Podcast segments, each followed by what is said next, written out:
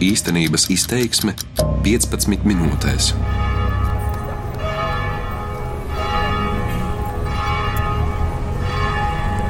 Šie, ko dzirdat, ir Svētā Franciska vārdā nosauktās katoļu baznīcas zvani Sīrijas pilsētā Alepo. Un tā ir ne tikai šīs, bet arī citu Sīrijas pilsētu ikdiena. Ir laiks, kad uz lūgšanu mošajās sauc musulmaņu minareti, un ir laiks, kad zvana kristīgo baznīcu zvani. Sīrijā tā ir bijis gadsimtiem, sadzīvojušas tautas un reliģijas. Arī tagad, pēc sešu gadu ilgā kara, kas nav šķirojis nevienu. Mani sauc Ina Strasdiņa, un kādu vakaru Alepo, kad pilsētā jau sāka krēslot, es aizdevos uz Svētā Franciska katoļu dievnamu, lai satiktu tēvu Ibrahimu, cilvēku, par kuru biju dzirdējusi daudz, kurš ir sarakstījis grāmatu par kara gadiem Alepo, un kurš nekad nepameta baznīcu un draugu, arī brīdī, kad tās jumtā ietriecās raķetes, un kurš vēlāk man sacīs: Tici man, piedošanai nav robežu. Ir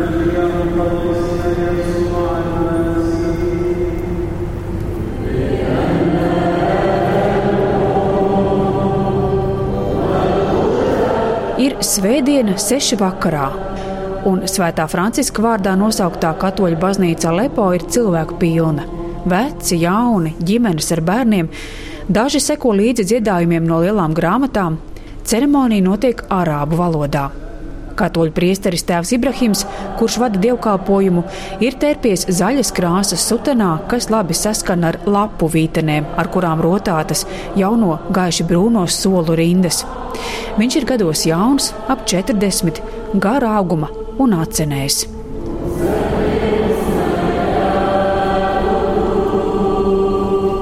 Vēlāk baznīcas centrālajā ejā sastājas gara rinda, gaidot svēto vakarēdienu un tieši šajā pašā vietā, netālu no altāra, savas baznīcas priekšā, tēvs Ibrahims ar savu draugu bija arī pirms diviem gadiem.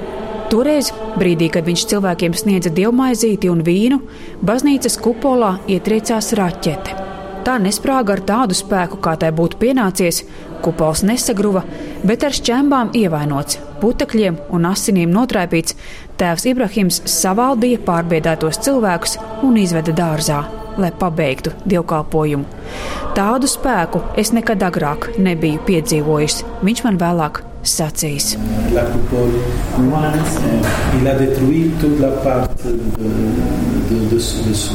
Kad ceremonija ir noslēgusies, man ir iespēja tēvu Ibrahimu satikt viņa darbistabā. Viņš ir pārvilcis brūnu, vienkāršu sutanu, apsēdies pretī pie maza galdiņa, uz kuras stāv cienests, bieza salda augļu sula un mafīns jeb apaļš keiks ar šokolādes gabaliem. Tēvs Ibrahims man pretī ir mierīgs, laipns, mazliet nogurs. Viņš brīvi runā franču un angļu valodā, un es lūdzu viņu pastāstīt par notikumu pirms diviem gadiem. Uh, Brīdī, kad es atrados zem baznīcas kupola un cilvēkiem pasniedzu svēto vakarēdienu, un te pusi no draudzes bija pie manis, mēs pēkšņi izdzirdējām troksni. Mēs uzreiz nesapratām, kas tas ir. Taču pēc desmit minūtēm jūtu, kā sagrīļojas visa baznīca. Kā skatam pazūd visi mani cilvēki, un es atskārtu, ka ir noticis sprādziens kaut kur ārpusē, kaut kur tuvu kupolam. Pēc 40-50 sekundēm es redzēju, kā cilvēks skrien uz visām pusēm, meklē izēju laukā, kliedz, bet es viņam tūdaļ devu zīmi nomierināties, nākt pie altāra un nākt ar mani kopā dārzā, neskriet laukā. Tas tādēļ, ka ik reizi, kad notiek sprādziens, seko nākamais, pavisam kopā trīs vai četri. Es nezinu, no kurienes man radās šis spēks, šī pacietība un miers sirdī, un kā es tādā brīdī varēju cilvēks vadīt. Uh, I was wounded here, and um, the blood uh, uh. Es biju vainots šeit, un asinis bija sajaukšās ar svēto vakarēdienu, bet mēs visi izgājām dārzā.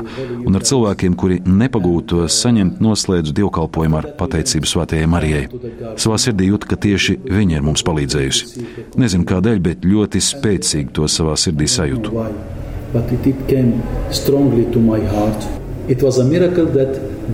Tas bija brīnums, ka raķete galu galā neiekrita baznīcā. Bojā varēja iet 70, 80 cilvēku. Kā šis kupols, kas patiesībā ir baznīcas trauslākā daļa, varēja nostāvēt pretī šai bumbai, ir brīnums. Patiešām brīnums. Īsi pēc tam tēvs Ibrahims atgriezās baznīcā, lai novērtētu postījumus un kopā ar draugu satīrītu dievnam. Daudz cilvēku nāca palīgā, un tas turpinājās vairākas dienas. Un tikai tad viņš sāka izjust pārdzīvojuma sekas. Es gulēju garas stundas, bez pamošanās, un visu laiku jutos ļoti noguris. Bet tajā pašā laikā galvenais uzdevums bija sasniegts - cilvēku bailes un šoku pārvērst vēlmē arvien vairāk turēties kopā. Always...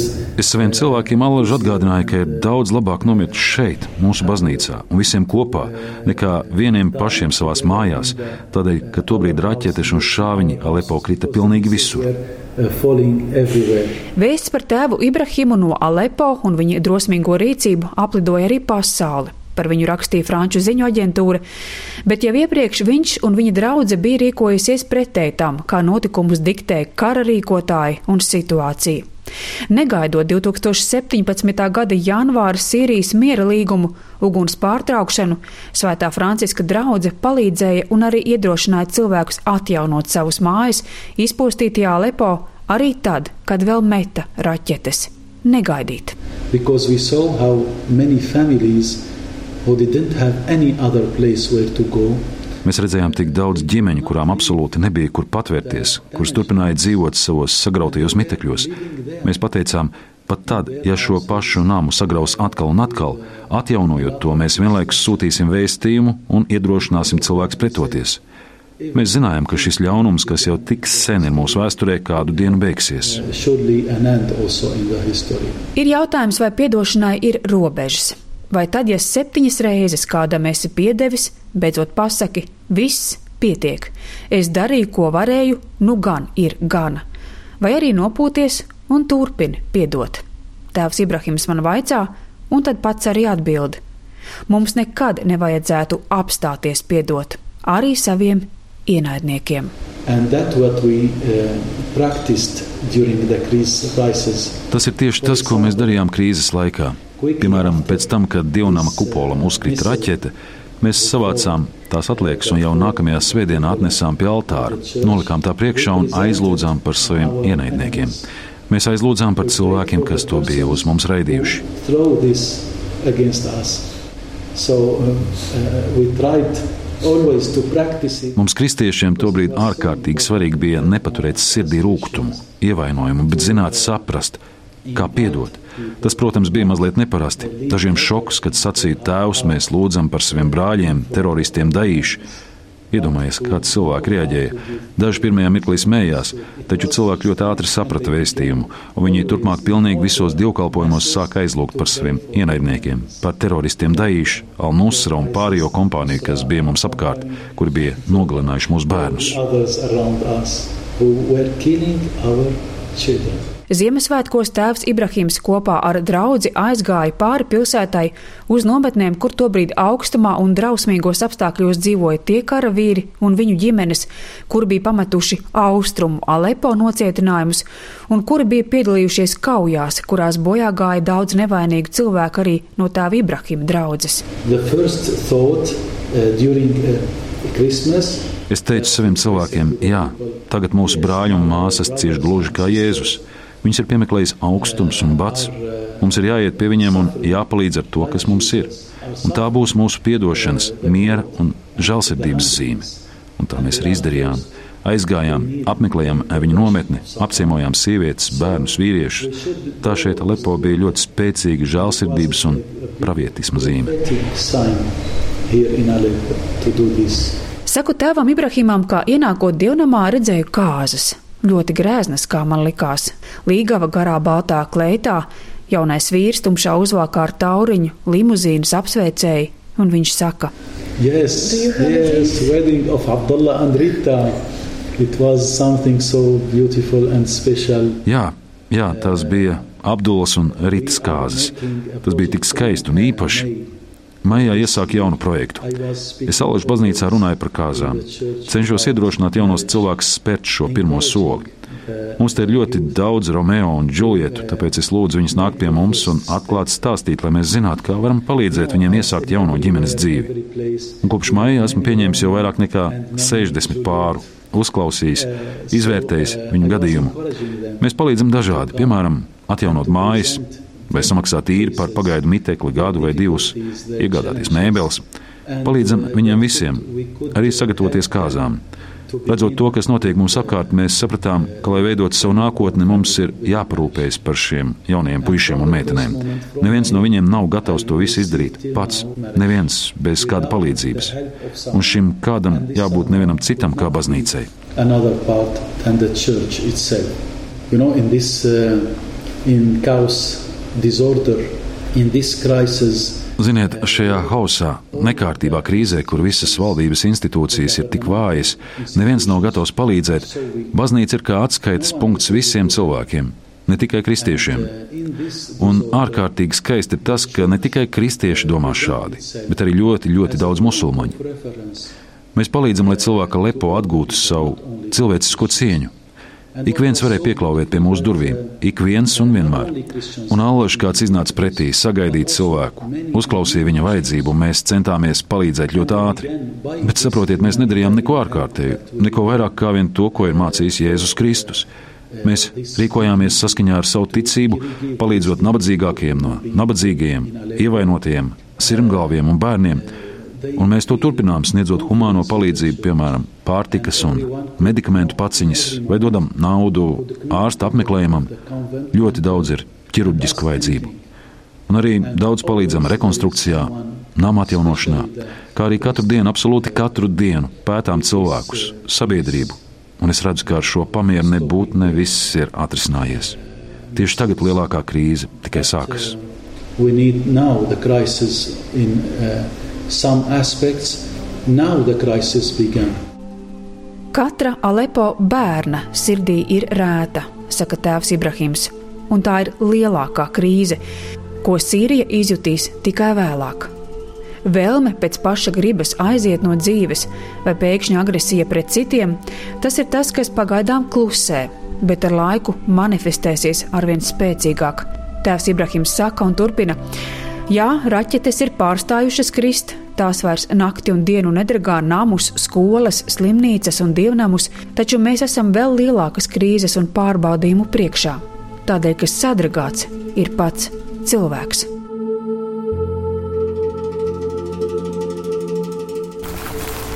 aussi c'est de l'huile, du sucre. Vēlāk ar tēvu Ibrahimu nojam dievnam lejas stāvos, kur lielās tukšās telpās krājas pārtikas pakas trūcīgajiem pilsētas iedzīvotājiem. Tur rosās vairāk palīgi, un viņš rāda paku saturu. Tajās ir rīsi, margarīns, konservi, tomātu pasta un citas lietas nedēļas iztikšanai. Un tēvs Ibrahims man teica, ka, lai arī cik sadragāti ir Alepo karu pieredzējušie, nekad nevajag zaudēt cerību viņus atjaunot. Un to var palīdzot cilvēkam atdot viņam pienākošos cieņu. Alepo ir daudz nāves, bet arī daudz dzīvības zīmju, tēvs Ibrahims saka.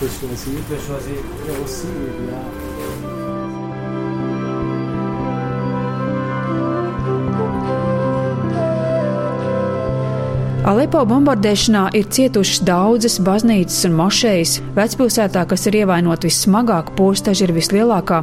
Agrāk 4 miljonu iedzīvotāju lielā un bagātā Sīrijas pilsētā Alepo tūkstošus ir zaudējusi. Gan cilvēkiem ejot bojā, gan dodoties bēgļu gaitās. Alepo iespējams ir vienīgā pilsēta pasaulē šobrīd, kur arī parkos un apstādījumos ir ierīkots kapsētas. Kad jau atvedos no tēva Ibrahima, un Alepo ir iestājies tuvo austrumu pilsētai tik raksturīgs biezs, piķa melns vakars, es atceros ko neparastu. Alepo, kur joprojām kara seku dēļ cīnās ar elektrības trūkumu un pārāvumiem, Svētā Franciska baznīcā gan dievkalpojuma laikā, gan arī sarunā ar tēvu Ibrahimu ne uz brīdi neizdzīsa gaisma, ne uz brīdi neiestājās tumsa. Mani sauc Inna Strasdiņa, un šo pagaidām noslēdzošo stāstu raidījumu sērijā par Sīriju es veidoju kopā ar skaņu operatoru Renāru Šteimani. darbības vārds īstenības izteiksmē izsaka darbību kā realitāti - tagadnē, pagātnē vai nākotnē, vai arī to noliedz.